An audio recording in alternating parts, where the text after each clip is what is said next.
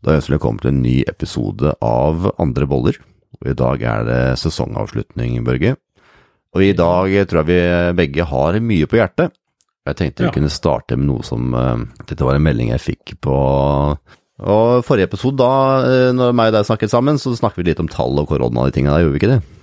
Mm. Og i den sammenhengen der så fikk jeg en utrolig interessant eh, melding av en kamerat på fredag. Som jeg tenkte jeg skulle lese for deg som lytter. Jeg har spart på den her, nemlig. Og den går som følger. Noen tanker og perspektiver på en lørdag formiddag om korona, alkohol, røyk og barnedødelighet. Og da jeg sa jeg fikk på fredag, så fikk jeg tydeligvis på lørdag. Eh, I denne pandemien tar vi hensyn til risikogrupper og hverandre. Så derfor stenger vi ned deler av samfunnet i en hel verden. På hele kloden går vi med munnbind, spriter hendene og holder avstand for å ivareta egen og andres helse.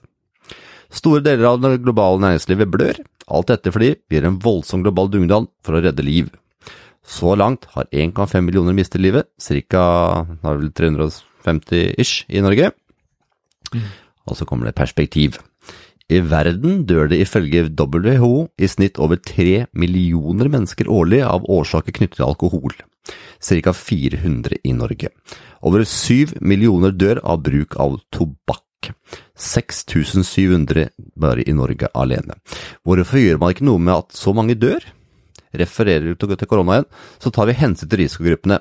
Men når det gjelder røyk og alkohol, skal risikogruppene ikke ivaretas. Selv om dødeligheten i, da i Norge er 20 ganger høyere enn covid-19.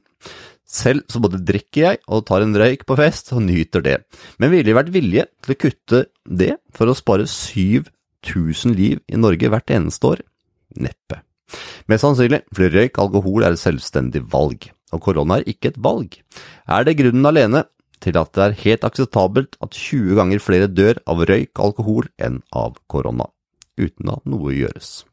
Hva gjør regjeringen med det? Jo, de har eget vinmonopol, og så har de farget alle røykpakkene grønne, så de skal se mindre attraktive ut. Ifølge FN er det 18 000 barn som dør hver dag av matmangel. Mellom 30 og 50 prosent av de 4 milliarder tonn mat som produseres i verden årlig, havner i søpla. Halvparten av maten kjøpes i Europa og USA, og USA, og det kastes. Totalt 550 milliarder kubikkmeter vann blir brukt til å dyrke avlinger som aldri spises. Det er en forunderlig verden. Og jeg syns det, det var en veldig bra melding, og det setter ting i perspektiv. For det er noe med at man får laserfokus på én ting, og det er det eneste man hører om hele dagen, uansett hvor man leser eller hører, så tenker jeg at det er greit å Ja, få litt den det, samme skjer jo hvis det er en flyulykke, eller hvis det er en Ja. ulykke, eller helikopterulykke. Det er da alt media fylles med akkurat da. Og da begynner jo å gå sikkerheten Og så begynner, begynner å se nøye på sikkerheten i det flyselskapet eller den flytypen. Alt ettersom. Så, så vi mennesker er jo veldig flinke til å altså flytte fokuset der, der det er mest aktuelt akkurat nå om at det er alltid det lureste. Da kan man jo det vil, I mange tilfeller avdekker det jo mange svakheter. Sånn som det her har jo avdekket mange svakheter ved kriseberedskap og eh, hvilke støtteordninger vi har til ulike bedrifter som nå ja, gått konkurs og måtte permittert masse mennesker. Så det, det er jo positivt sånn sett, men eh, det er klart Man tenker jo alltid at uh, hadde vi ikke kunnet tenkt på det her før, hva med å kjøre litt Jeg har jo, som I mine ingeniørdager så jobba vi jo mye med simulering og testing. Og Da testa vi ulike scenarioer, og så så vi om at det oppstod svakheter i systemet, og gikk inn og tetta de svakhetene, sånn at ikke de skulle oppstå under virkelige forhold. Så det hadde jo kanskje vært, vært fornuftig å gjort noe sånt i dag. Eh, og det er siste gladnyhet før jul, som du, når du måtte høre på det. Og det at Ja, det, før jul og, og i dette og dette året horrible året 2020 får vi jo kunne få lov til å konkludere med. Nei, det- Tenk hvor mye vi har lært da, Børge. Syns vi har lært utrolig mye i år, det. Selv om det har vært uh, mye skit. Uh, og det er uh, Det kom var nylig så ble det gjort uh, Har det, det sannelig blitt sletta, gitt? Facebook har faktisk sletta posten min akkurat når det gjelder det her. Det var interessant. Ja. Hm, det var borte. Ja. Det, de, de men, gjør det. ja, men jeg fant ut hva Jeg husker hva det var. Eh, og det var en eh, Det er nemlig en medisin, skjønner du. Som uh, har vært på markedet siden 1974. Og den heter Ivermectin. Det skrives I-V-E-R-M-E-C-T-I-N. Den brukes egentlig mot skabb, av alle ting. Eh, blant annet. Og det man fant ut Det er gjort mange studier på den eh, medisinen her nå i det siste. Blant annet så ble det gjort en undersøkelse på et sykehus i Argentina, om jeg husker riktig. Og der var det vel Finn Finne ut dette selv, da, for dette, jeg hørte på at jeg var litt småtrøtt. Men jeg husker at det var 800 ansatte på dette sykehuset. 400 av de fikk denne medisinen. Ingen av de fikk korona. De som ikke fikk medisinen, fikk 53 av de fikk korona. Og det som studien viser, det er at innen 48 timer etter at man har tatt den medisinen her, så er det altså en 5000 gang reduksjon i den virale RNA som, som man da har fått. Altså en 5000 gang reduksjon på 48 timer. Den studien her, den kan du finne på thenature.com. Og vi kan legge med den studien inn i sovnotatene, Børge. Så hvis du ønsker på å kikke på studien på Ivermektin, så anbefaler jeg deg å kikke på den. Jeg tenker at det er jo kjempegode nyheter. Altså Nå går vi rundt og er livredde for at det siste da har kommet til mange av oss. Og da er det bra å vite at det er en medisin som har vært på markedet siden 1973 eller 1974. Som uh, kan like være gammel som meg, faktisk. Oi. 46 år. Det kan du se. Mye erfaring. Så dette er jo medisin med mye erfaring. Og Mye bra som skjedde i 74. da kan man måtte senke, kan man måtte senke da senke da virus eh, med 5000 ganger. jeg. Det var positivt. Da, Børge, da kan vi starte på lyttespørsmål og alt annet enn korona. Ja. Ja, vi har jo ennå en del eh, spørsmål vi skulle gått igjennom, men eh, det, Vi har vært innom noe før og lova at vi skulle ta tak i det. Og da var jo det her med hvordan skape gode og nære relasjoner, og kommunikasjon, hvordan møte mennesker i det der tilfellet som svarer surt og avvisende. Så ja, du først, Frank, kanskje. Hva, hva tror du, Hvordan skal vi skape gode og nære relasjoner?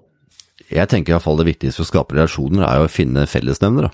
Jeg tenker Grunnen til at meg og deg, Børge, har en god kommunikasjon, at vi har noen verdier som, eh, som er felles for oss begge. og det er jo Vi liker jo å lære noe nytt. Eh, Vi liker jo frihet, som vi har vært gjennom allerede.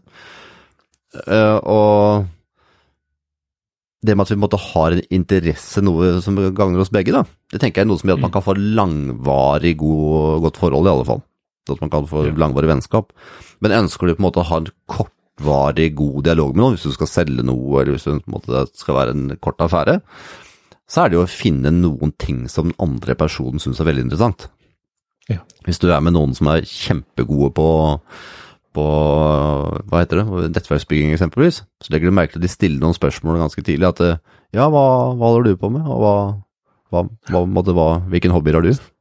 Stille litt sånn åpne spørsmål. Ja. Hvorfor og hvordan, og hva syns du om, og fortell meg mer om sånne type spørsmål. Som ikke bare krever et ja-nei-svar, men at personen faktisk eh, gir litt informasjon. Jeg ville styrt litt unna hvorfor, kanskje, men eh, hva er årsaken til, eller noe sånt. Eh, og grunnen til at at noen kan synes at det hvorfor blir litt sånn granskende. Men, eh, det, var, det var ikke noe for å pirke borti deg, Berge, men akkurat uh, spørsmålet kan på noen være litt sånn tas litt feil. Uh, og der kan du sikkert legge merke til at hvis du hvis noen du snakker med en person, og den personen virkelig er interessert i hva du har å si, du sitter og snakker om siste boka du har lest, eller siste treningsøkta du har hatt, og personen Å, hva, oi, skjedde det? Oi, oi, oi, er veldig engasjert, så vil du jo få en veldig Oi, den personen har vært veldig interessant. Så det er det med å være god til å lytte og ha engasjement òg, da. Ja, og det, jeg har jo tatt noen notater her for å skulle kunne gi et eh, veldig um, Kall det presist svar. Er det forberedt, da? Så veldig omfattende. Eh, og da å virkelig lytte, eh, har jeg skrevet her, uten å tenke på hva du skal si. Uten å dømme hva den personen sier. Og det er noe som heter å lytte for innsikt. Altså lytte for å forstå, ikke for hvorvidt du er enig eller uenig med den personen. Og så det klassiske at vi har to ører og, en munn, og det betyr noe. Vi skal lytte mer enn vi snakker. Og akkurat det der du sa der nå, Frank, eh, det minner meg om en historie en gang jeg var på et sånt eh, vorspiel med en guttegjeng. Eh, Jeg kjente kun én person der, så jeg var liksom en sånn plus one. Eh, og det var høy guttastemning, og jeg følte meg litt utafor fordi alle kjente alle. Eh, men så var det en annen som satt ved siden av meg. da. Han begynte jo egentlig bare å fortelle veldig mye. Det var noen dameproblemer, og det var alt mulig han sleit med.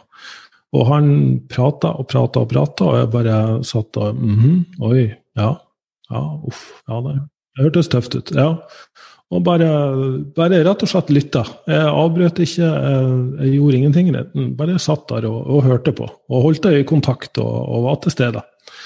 Og så, etter sikkert en time eller to, så sier han bare sånn, klapper meg på skuldra og sier Vet du hva, du er virkelig en skikkelig hyggelig fyr, altså. Det må jeg bare si.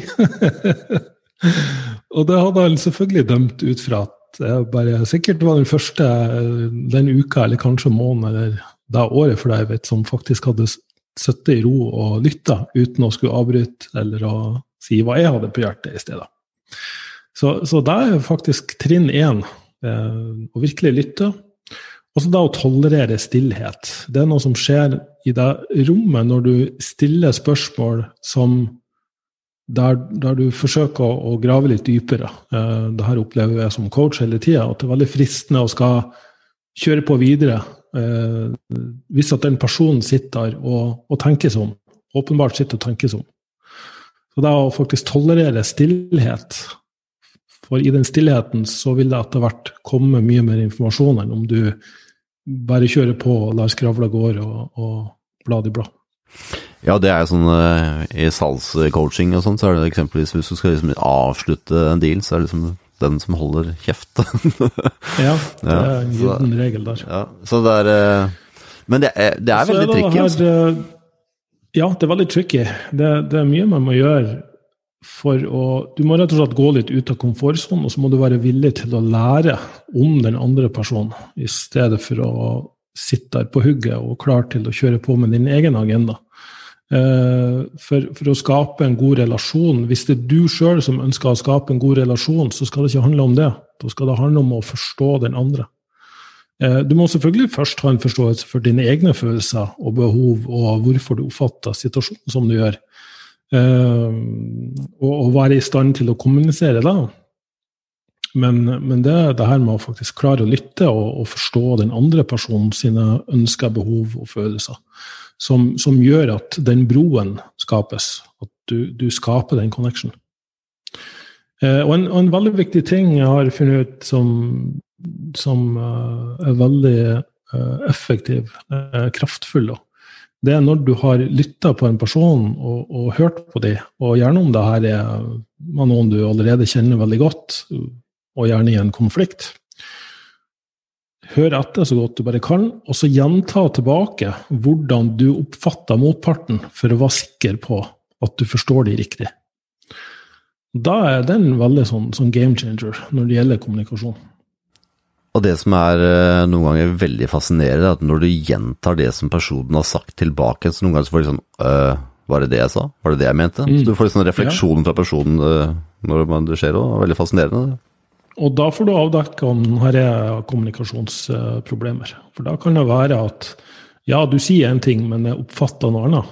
Og, og, ok, Er det min tolkning da, eller er det pga. ditt kroppsspråk, eller fordi du er passiv-aggressiv og har skjulte agendaer som, som, gjør at du oppfatter det sånt. Så du får avdekka veldig mye ved å faktisk gjenta tilbake hva, hva du oppfatter. Er det noe annet jeg, har, jeg tror ikke jeg har noe annet å komme med når det gjelder kommunikasjon. Iallfall sånn veldig grove trekk, i alle fall. Har du noe annet, Løvberg? Ja, altså klassisk forhandlingsteknikk, det er jo uh, hvis du sitter i uh, Enten om du skal bli enig om noe, eller om at du skal bli være enig om og være uenig om noe. Trinnvis prosess det er nummer én å definere problemet. Både ditt problem og deres problem. Og da må du rett og slett bare spørre motparten om å fortelle meg hva er problemet ditt. Og så er det jo da å definere behov. Hva ønsker du? Hva ønsker de? Eh, og så er det bekymringer. Hva er du redd for skal skje? Hvilke konsekvenser kan, ha, kan det ha hvis det her skal skje eller ikke skje? Eh, kan gjerne ta med hvordan har man håndtert det her tidligere, og hvordan har det fungert. Og så er det den her klassiske oppsummering hvordan du har oppfatta motparten. Eh, eller oppsummering av hvor står vi an nå? Uh, og deretter, hva er det første steget vi kan ta for å løse det her? Alltid avslutt med den. Hvordan kan du løse det her? Og være løsningsorientert. Det er i hvert fall uh, de, de punktene jeg har notert meg. Jeg tenker at man kommer langt med det, Børge. Og ønsker man å fordype seg enda mer, så finnes det utrolig mange bøker som vinner for, denne, tematikken der. Ja, da kan du gå på det å forstå mennesketyper. Sant? At noen er av en annen type enn det du er. Sant? Noen kan være veldig dominerende og overkjørende, og noen kan være veldig sånn prinsippfast og, og står, står ja, og noen er nei-personlighet. ja, og noen, ja, noen tar veldig lett på ting, og noen er veldig sånn uh, villig til å inngå kompromisser, og noen er veldig uvillige til å gjøre det. De hater kompromisser. De vil ha det på en bestemt måte, eller så er det, er det ikke greit i det hele tatt. Uh, så, så, ja, det, finnes mange ulike personlighetstyper, og, og, det er klart, det her kan man virkelig Du kan studere kommunikasjon eh, på universitetet og ta en grad i det. Så det, det, det kan gjøres veldig omfattende. det her. Ja, og så er det den derre ikke-personligheten er veldig sånn fascinerende. Jeg tror jeg er under jeg tror ikke, jeg vet at jeg er under kategorien ikke-personlighet. Det vil altså si at hvis jeg hører en eller annen type uttalelse om noe, så er det sånn at det, i mitt hode da, så prosesseres det som at er jeg enig eller ikke. Så hvis jeg hører din informasjon, så vil jeg på en måte, mest sannsynlig kanskje ikke være enig i utgangspunktet i hva du sier. Og det som er så fascinerende med den type personlighet, det er at hvis du sier at det, 'dette får du ikke til, gutten min', så vil du, du, bare 'ok, greit, du sier det, ja. Nei, da skal jeg få det til'. Og det er veldig fascinerende hvis du legger merke til den type mennesker, så er det sånn Nei, du får ikke det til, nei. Du, du der det bare putter masse bensin på bål. Altså. Det er veldig ja. fascinerende personlighet. Men det er litt tilbake til det jeg sa i stad, at lytt for innsikt, lytt for å forstå. Uh, hvis du lytter for å høre om du er enig eller uenig, så får du ikke med deg ting som Sånn som jeg har i tidvis vært veldig mot veganisme, da å spise kun plantebasert. Og da var i min tid som carnivore, der jeg var overbevist om at det var det beste kostholdet mennesker kunne ha. Jeg har jo moderert meg kraftig på det i senere tid. Men uh, da husker jeg at uh, jeg var i en Det som begynte som en krangel med en veganer. Men, men han var veldig reflektert og, og, og, og flink til å ordlegge seg og, veldig sånn um, diplomatisk, da. Og da tenkte jeg ok, la meg legge alle mine forutinntatte meninger på hylla, og så bare høre for å forstå hvorfor han har valgt det han har valgt, og eh, rett og slett lytte for å lære. Og vi fikk en utrolig fin eh, dialog ut av det. Eh, vi var enige om å være uenige, nummer én, men, men jeg forsto han mye bedre, og han forsto meg mye bedre. Og, og da igjen der, der knytta jeg en nær relasjon. Så vi har kontakt en dag i dag, vi. Så bra. Og det derre Det er veldig vanskelig å skal lytte når man er uenig i noe, altså. Ja, det, det, det, er øvelse, altså. Å klare å sitte og holde kjeft og lytte. Min umiddelbare reaksjon er å, å bli litt uh, irritert. Uh, det skal jeg innrømme, men uh, jeg har blitt flinkere å ta meg sjøl i det. Ja, det er, det er, en treningssak. Nå skal vi opp på trening, Børge. Det er én ting som overrasket meg veldig i dag, må jeg ærlig innrømme. Mm. og det er som følger. Det at jeg har en sønn som nå er akkurat fylt seks år. Og når han begynte på skolen i august, så begynte vi å trene litt de, første, de siste minuttene før han reiser om morgenen. Og grunnen til det er at det er ganske mange studier som viser at man presterer bedre på skolen hvis man er, har fysisk aktivitet i forkant. Mm. Så da begynte vi med å kunne ta noen body squats, eller tok noen situps, eller tok noen pushups, eller måtte bare to sånne fysiske sånne kroppsøvelser. Vi har gjort det så å si mandag til fredag. Det er ikke sånn at jeg står og tvinger, og det er, det er liksom, det, dette har blitt en vane. Ja. Og så For en uke siden så kjøpte jeg sånn der chin, sånn skinnbar, vet du. Sånn som du henger i døråpningen. For å få litt variasjon i, i, i treningen, da. Og han har jo syntes dette har vært kjempegøy med den skinnbaren. Han har både tatt bredt grep og tatt smalt grep. Og frem til, eh, frem til i går så har han på en måte, han har hatt en stol å stå på, så han måtte hoppe opp og så har liksom tatt siste delen selv. Mm. Uh, mens i dag, faktisk, så tok han fire chins, altså med bredt grep, altså det er en seksåring vi snakker om her, fra stående posisjon og helt opp. Uten hjelp fra stol, uten hjelp fra hopp. Eh, og fem repetisjoner med smalt grep nedenfra og opp, uten at det faren hjelper til. Og det som fascinerer meg så veldig mye med det, det er hvor utrolig tilpasningsdyktig en kropp er selv i ung alder hvis den blir utsatt for noe stimuli. Og det er ikke sånn at vi har trent veldig mye på det her, det har kanskje vi har gjort fem minutter, eller at han har liksom gjort litt opp og ned. Men når jeg måtte se det fremganger som kommer så fort, da, mm. så er det helt utrolig altså, at en seksåring liksom klarer å gjøre sånne Jeg hadde jo ikke sjans til å ta skinns med bredt grep når jeg var seks år. men, det er, men, det er, ikke mange minuttene vi snakker om her, og det har virkelig åpna øynene mine for hvor tilpasningsdyktig en eh, egentlig menneskekropp er, selv når vi er små. Ja, jeg vil nesten si spesielt når vi er små. Det, det er mye vi tåler i ung alder som uh, vi har vanskeligheter med å tåle i voksen alder. Uh, og det er jo, Jeg har nevnt det tidligere på podkasten, men hvis barn får gluten, altså spiser gluten i ung alder, eh, så har de mindre sannsynlighet for å utvikle cøliaki, altså en ekstrem glutenintoleranse, når de er voksen.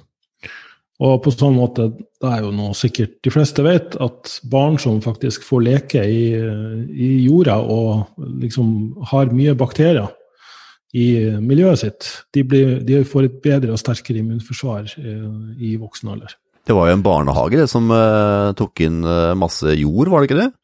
Mm. Og så fant man at disse barna hadde mye bedre immunforsvar fordi de måtte ha noe jord å leke i. Ja, så, og der også jo selvfølgelig litt usikker på hvor, hvor sunt det er med den ekstreme håndvasking og antibac-bruken i barnehager akkurat nå. Nekter jeg å tro.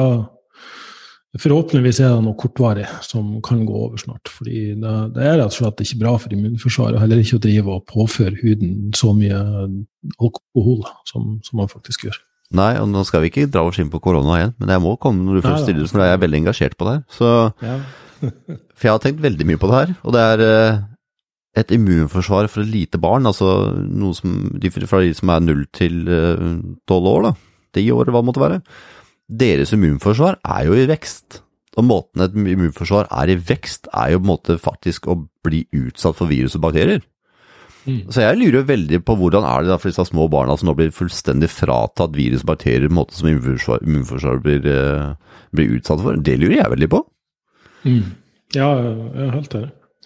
Nå skal jo sies, i hvert fall i barnehagen som min sønn går i, så så er han rimelig skitten når han kommer hjem. De er jo veldig greit ute og, og leker i gjørme og dritt. Så. Ja, ja, Stort sett går det over greit, men, men, ja, det er jo litt sånn overdrevent renhold akkurat nå. Og Det, det er òg noe som irriterer meg litt. Du, du går inn i en uh, butikk, spriter hendene dine, går og tar det du skal ha, går inn i neste, og så skal du sprite hendene igjen.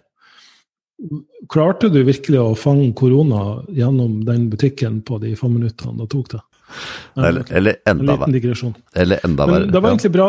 Ja. ja. Det var egentlig bra at du tok opp det der, Frank. fordi det her er eh, også et spørsmål vi har fått. Barn og ernæring. Og, og, mer spesifikt, hvorfor er masseprodusert brød tilsatt mye hvetegluten og næringsfattig pålegg standarden i barnehager og skoler, og kan man endre på det?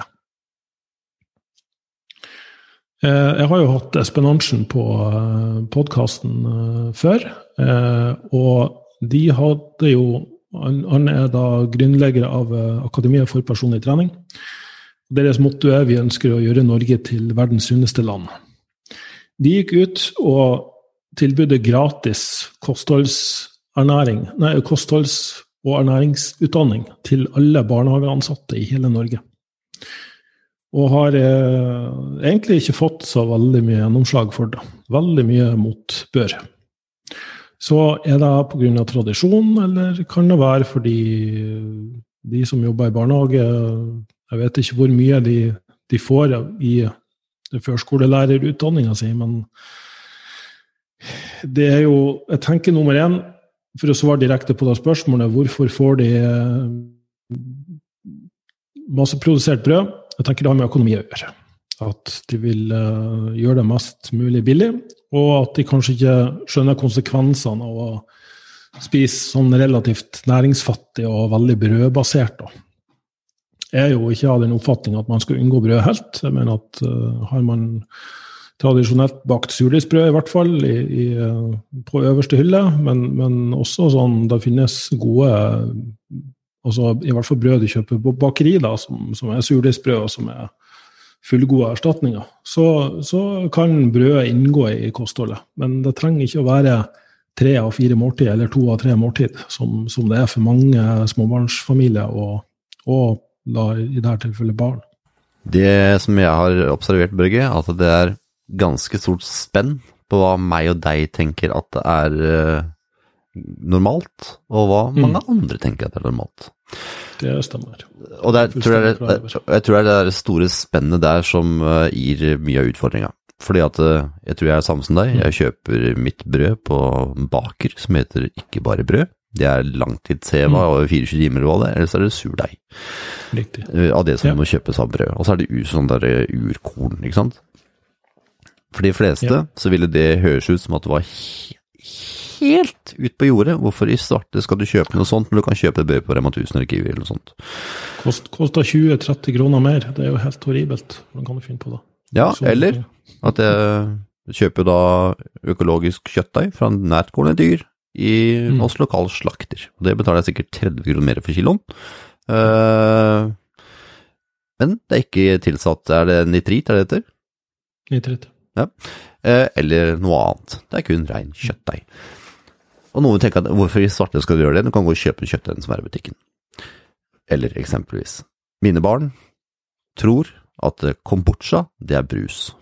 Så hvis de ser brus, så, kombucha, så er det brus. Spør du mange andre barn, så er det æsj. det er ikke noe godt. Og det er ikke sånn at jeg har drevet med noe tyranni her eh, hjemme. Det er bare at jeg drikker ikke brus. Samboeren drikker ikke brus. Og det er på en måte vi har eh, kombucha. Og vi starta med å spise brød fra den type ting lenge før vi fikk barn. Men det er det spennet som er der. Hvis du snakker med andre som har en mye mer avslappa naturlig forhold, eller som min far sier, ikke er helt uh, fanatisk det, er hans, det, er hans, begrep når jeg snakker om det her. Da er, da er jeg fanatisk. Så de som da ikke har de tankene om det, så virker det veldig rart. Altså, hvorfor ikke drikker ikke barna brus? Hvorfor kjøper de ikke brød der de er? Hvorfor spiser de ikke Nugatti til frokost, eksempelvis? Hvorfor kjøper de økologiske grønnsaker? Det er jo bedre å kjøpe litt fra sprøyta, altså det koster mindre og Det er der. Vi er, vi er liksom så ekstremt stor spenn. Og da skjønner jeg at for mange som driver en barnehage, så ser det selvsagt på pris, men da er jo også veldig mye med at hvorfor skal vi gjøre det annerledes her? Altså, det brødet jeg spiser, spiser brød hver dag, ja. Det er, og det er utfordring, altså. Ja, og så syns jeg kanskje den svart-hvit-tankegangen er den verste, da. Ja. Enten kjøper du billigste Rema-knepen, eller så er det langtidsheva surdeigsbrød på økologisk. Eh, sant? Mm. Jeg tenker det, det, finnes, det finnes kompromisser. Absolutt, helt klart. Du tar, du tar, gode valg der det er mulig, og der det er veldig vanskelig eller altfor dyrt. Altså 20-30 kroner forskjell på et brød, det har ingenting å si. Det, det er minimalt. Men, men, klart, har du et matbudsjett på 6000 i måneden, og da å, å, å, gå for alt økologisk gir et matbudsjett på 8000-9000 kroner i måneden, så kan det være mye for en småbarnsfamilie å takle. Så, så, så, jeg har forståelse for det. Absolutt, samme her. Jeg får forståelse for det. Jeg bare sier at det er det som, at utfordringa ligger litt der. At vi har så veldig stor Utfordringa ligger der. Helt klart. Så, men, men, så er det jo ofte mangel på kunnskap, da. Eller kanskje feil kunnskap. Um, og jeg mener jo at bytter du ut mye av brødet med, med, frukt, så er mye gjort. Og jeg vil jo ikke anbefale at man, man går for bare sånne light-produkter overalt. For det er jo ting som er enda mer manipulert enn, enn de som kommer naturlig fra, fra om det er dyret eller det, det planteriket. Og så er det en annen ting som jeg har registrert etter at jeg har gjort dette i noen år. Jeg syns det er kjempehyggelig når jeg er på hver fredag og henter brød. Jeg har ferdigbestilling, så det ligger klart når jeg kommer og henter det da, varmt brød hver fredag. Mm. Altså, du får en helt annen uh, kommunikasjon, altså du får en helt annen forhold til det. Jeg syns han, han, eller hun som måtte, det varierer som, som eh, betjener meg når jeg er på den lille bakeren som er veldig lokal. Mm. Kjempekoselig, vi snakker litt hver fredag. Og når jeg er hos uh, slakteren og henter kjøtt også på torsdag som regel, så snakker vi litt. Den der kommunikasjonen og der, det nære forholdet man har, og kan komme med innspill, eksempelvis. Sånn som slakterne bruker, så. Som heter Den glade pølsemaker, som er med på Retroringen bl.a. i Sandvika, hvis det er mange i Oslo som hører. Så er det innspill som har kommet til han på leverpostei. Ikke sant? Han har fjernet rapsolje, eksempelvis, og prøvd å gjøre sånn der mest mulig sunne leverposteien. Og så var det her han akkurat laga eh, pølser av eh, helt eh, av lam. Og som bare var lammekjøtt da, i pølser. Mm. Altså, kan du ikke ta så prøve ut gjerdet her og få se hva du syns? Kanskje jeg skal begynne å produsere pølser som er mørkent med lammekjøtt. Det var jo supergodt. Ja. Så du kunne komme med innspill og få en relasjon til de som kommer med maten, det syns jeg er blitt viktig. Aldri vært der før, men Ja. det begynner jeg å merke at det syns jeg er både koselig og iallfall sosialt i disse dager. Ja, og, og den biten av det er veldig viktig. Og, og hvis du melder inn i en sånn lokal Reko-ring som har Facebook-gruppe i, i ditt område, så får du òg tilgang til kortreist mat lokalprodusert. Støtte lokale næringer, og du får høyere kvalitet på, på den maten du spiser, du og dine barn. da. Så, så vi er, vi er overhodet ikke ekstreme her i huset, men, men vi har mindre inntak av brødmat eh, sikkert enn det som er vanlig. Og, og selvfølgelig barna. Mange ville tenke at du var ekstrem, Børge. Akkurat sånn som mange tenker at jeg er ekstrem. Så vi, vi mange vil plassere oss i kategorien ekstrem. Vi syns det ikke selv, ja, så klart, men mange tenker at vi er ekstreme. Ja, men hadde jeg ramsa opp hva jeg spiser i løpet av en dag, så er det nok ikke så ekstremt som mange kanskje tror, da. Det er ikke flere kilo kjøtt, f.eks. Det er liksom kanskje 500 gram kjøtt i løpet av en dag, halv kilo. Det er selvfølgelig mer enn det veldig mange andre spiser. Um, en god del frukt spiser jeg, og det kan være innslag av både havregryn og brød spiser veldig lite av, men da er det i så fall surdeigsbrød. Fordi jeg rett og slett reagerer på det hvis jeg spiser vanlig brød. Samme her, da får jeg Da blir det mye tull i magen hvis jeg spiser mye brød, altså. Det Mm. funker svært dårlig. Dere kommer nå med nytt produkt, Børge, som jeg gleder meg til å prøve. Og det er ja. C-vitamin i pulver. Ja, Fra Nype. Stemmer. Vi, eh, vi fant ut at det er noe som mangler i sortimentet. Eller vi har egentlig visst det lenge, da. Men eh, det, ting, ting tar litt tid å få på plass innimellom. Um, har hatt uh, en del produkter i pipeline. Og, men det her fikk vi på plass ganske fort, for da var råvarer som allerede var til stede. Og det er C-vitaminpulver basert på acerola og nype. Og det er ikke tilsatt uh, syntetisk C-vitamin. Og der, og der eh, kan man jo igjen si at de lærde strides på hvorvidt det her har noen betydning i hele tatt. Men jeg har igjen jeg forholder meg til god forskning, og der står det at C-vitamin som kommer fra naturlige kilder, inneholder også andre stoffer, da, polyfenoler og, og ulike, sto, ulike stoffer som kanskje har en synergieffekt med det naturlige C-vitaminet som finnes der. Men isolerer du ut selve C-vitaminet, så, så askorbinsyre, da, som det heter kjemisk, så, så kan du egentlig ikke si at det her på molekylbasis er forskjellig fra det du får i acerola og det du får i et laboratorie. Men det er alle de gode stoffene som følger med i, i et ekstrakt fra acerola og, og nype, da, i dette tilfellet. Så, og den har vi jo da smaksatt litt, fordi eh, C-vitaminpulver kan eh, smake litt uh, beisk. Um, er bittert. Og da forventer vi å ha på lager nå i disse dager som den podkasten slippes. Jeg minst jeg hørte en eller annen plass at C-vitaminer alene har over 300 forskjellige kjemiske koblinger i kroppen. Mm. Ja da, og det er, det er mye Det har mye å si, altså. Det er mye å si. Og det er derfor jeg mener at altså, det er derfor jeg påpeker viktigheten av å spise frukt også. Det er jo C-vitamin, men også veldig mange andre stoffer. Til og med stoffer vi ennå ikke har kartlagt. Ja, før i gamle dager, for veldig, veldig veldig lenge siden, så produserte jo C-vitamin selv. Ja. Eh, og det forsvant jo på et eller annet eh, tidspunkt. Og når man tenker at det er 300 forskjellige, forskjellige responser i kroppen er på en måte avhengig av at du har C-vitamin, og det vi egentlig får C-vitamin fra, det er måte sitrusfrukt, og det er jo ikke alltid vi spiser veldig mye sitrusfrukt. Og da, vi, er, vi trenger eh, C-vitamin, altså. Så jeg kommer til å være den første som bestiller en god bunke med C-vitamin så fort den kommer, Børge. Ja. Så nå må det bli klart. Og så vil jeg nevne og da produktet helt, vi har bestilt det. Eh, vi har jobba lenge med det, vært mye fram og tilbake eh, for å få det på plass. Eh, og det har både med hvilke ingredienser som er lovlig, og hvor, hvor store mengder det er. Og nå er jeg ganske konservativ på de mengdene når jeg først setter opp noe. Men eh, jeg vil jo også at det skal ha en effekt, og da går jeg på forskning, og så ser jeg på mulige synergieffekter. At eh, to ingredienser sammen kan ha bedre effekt enn hver av de isolert sett. eh, at, at jeg skulle tilsi at, at de har det. Så, så målet med denne målet med det, det her produktet det var jo å skape noe som kunne gi bedre mental prestasjon, eh, mot, motvirke tretthet. Eh, bidra, bidra, til å opprettholde fokus og konsentrasjon gjennom, gjennom hverdagens påkjenninger, som jeg har skrevet her på, på produktteksten. Hva er det putta i den, Børge? B6, antar jeg? blant annet? I den så har vi ashwaganda. Ja, vi har rhodiola rosea, altså rosenrot. Og så har vi ginseng, og mange av de her ingrediensene trenger vel ikke noe nærmere introduksjon. Det er sikkert veldig kjent for veldig mange. Ja. Vi har bacopa monieri, som også da påvirker blodsirkulasjon, bl.a. Turosin, som kan omdannes til dopamin i kroppen. Og så har vi fosfatidylserin, som også går på Altså alt der går på hjernefunksjon, mental prestasjon, eh, vitalitet, eh, for å bruke et veldig sånn bredt eh, bred beskrivelse av det. Så, vi har brukt en si, solid dose av hver ingrediens, sånn at det, det, er mulig å faktisk få en, en, merkbar effekt. Så det er et produkt jeg har gått og venta på lenge, og, og kommer til å, til å bruke sjøl.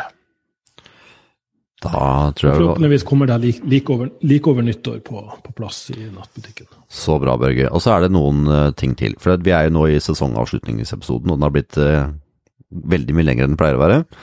Og det er for at uh, skravle skravlesen her hadde mye på hjertet i starten av uh, for å snakke om korona. og så har vi vært innom uh, trening, vært innom litt av kosthold. Og så er det litt endringer hos deg òg, Børge, som jeg tenkte vi kunne snakke litt om det også. Det er at uh, nå over nyttår så kommer du, Børge, med din egen podkast. Ja, det har vært en, også en lengre prosess som har pågått nå. Eh, der jeg har jo til, eh, brukt veldig mange år av livet mitt på My Revolution. Så, eh, og jeg har jo etter hvert også blitt en frontfigur, eh, inkludert da for denne podkasten. Eh, så nå går My Revolution og Børge Fagli altså med i litt forskjellige retninger, og da, da blir det sånn at uh, jeg kommer til å jobbe som ansatt i My Revolution ut i januar. Uh, og fra 1.2 så, så står jeg på egne bein igjen. Det har jeg jo for så vidt gjort. Jeg har hatt mitt eget selskap i mange år eh, og drevet med coaching gjennom det, og nå kommer jeg til å satse mye mer på den coaching-biten. og kurs- og foredragsvirksomhet. Og da tenkte jeg det var naturlig at siden, ja, som sagt, den podkasten har blitt veldig byggefaglig, så er det kanskje mer naturlig at jeg fortsetter min egen eh, podkast under eget navn. Og så får My Revolution ta en avgjørelse på hva de ønsker å gjøre. Om de skal fortsette med podkast. Eh, det er jo et ønske fra deres side om å gjøre, gjøre den mer produktorientert, og det, det har jeg full forståelse for. Eh, min reise eh, handla vel mer om å snakke om helhetlig helse, kosthold og trening enn enn kosttilskudd. Men kosttilskudd hører til for all del, hvis at kostholdet ikke er på plass. Men jeg ønsker jo ikke primært å, å snakke om eller jobbe med kosttilskudd eh, resten av mitt liv. Så for deg som hører, og du hører nå på det her på nyåret, så vet vi ikke helt hvilken retning den podkasten du nå har hørt på går. Det kan være at den fortsetter med Børge. Det kan være at den ikke fortsetter med Børge. Det kan være at den fortsetter med undertegnede, ikke med undertegnede. Det er noe vi ikke vet. Og det er det som er eh, veldig spennende med at vi nå får nytt år òg. At vi får noe som heter 2021. Og da kan ja. vi ta alle erfaringer vi har tatt fra 2020, og så kan vi starte på nytt og bedre med 2021. Og det som er i hvert fall helt sikkert, det er at du finner undertegnede på Mentaltrenerpodkasten. Og så finner du nå Børge Fagerli på en podkast jeg antar kommer til å hete Børge Fagerli med noe mer. og, så, og så håper vi uansett at vi muligens hører deg som nytter på også andre boller på 2021. Da finner du oss i alle fall. Da må vi si tusen, tusen takk for at du har hørt på oss, og at du har hørt på oss i 2020. Og Fortsett gjerne 46, 47, 47 episoder, ikke sant? Ja, ja, ja, dette, ja, dette er tellinga, jeg bare dette er tellinga. Og ønsker du å komme med da forslag til, eh, til uh, kjære Børge? Hva nå, enn hvor han enda skal snakke om det, så kan du sikkert sende til hvor, Børge? Uh, du kan sende til coach at børgefaglig.no. Eller du kan sende til podcast at myrevolution.no. Til neste gang ha ja, en Ja, det kommer også til å sjekke den. Ha en Ja. utrolig fin dag. Beklager at jeg avbryter, men Nei, ja, avbryt, avbryt. ha en fin dag videre. Ha en fin dag. Ha en fin dag. God jul. Nyttår. Ha det bra. God jul og godt nyttår. Ja, ha det. Ha det.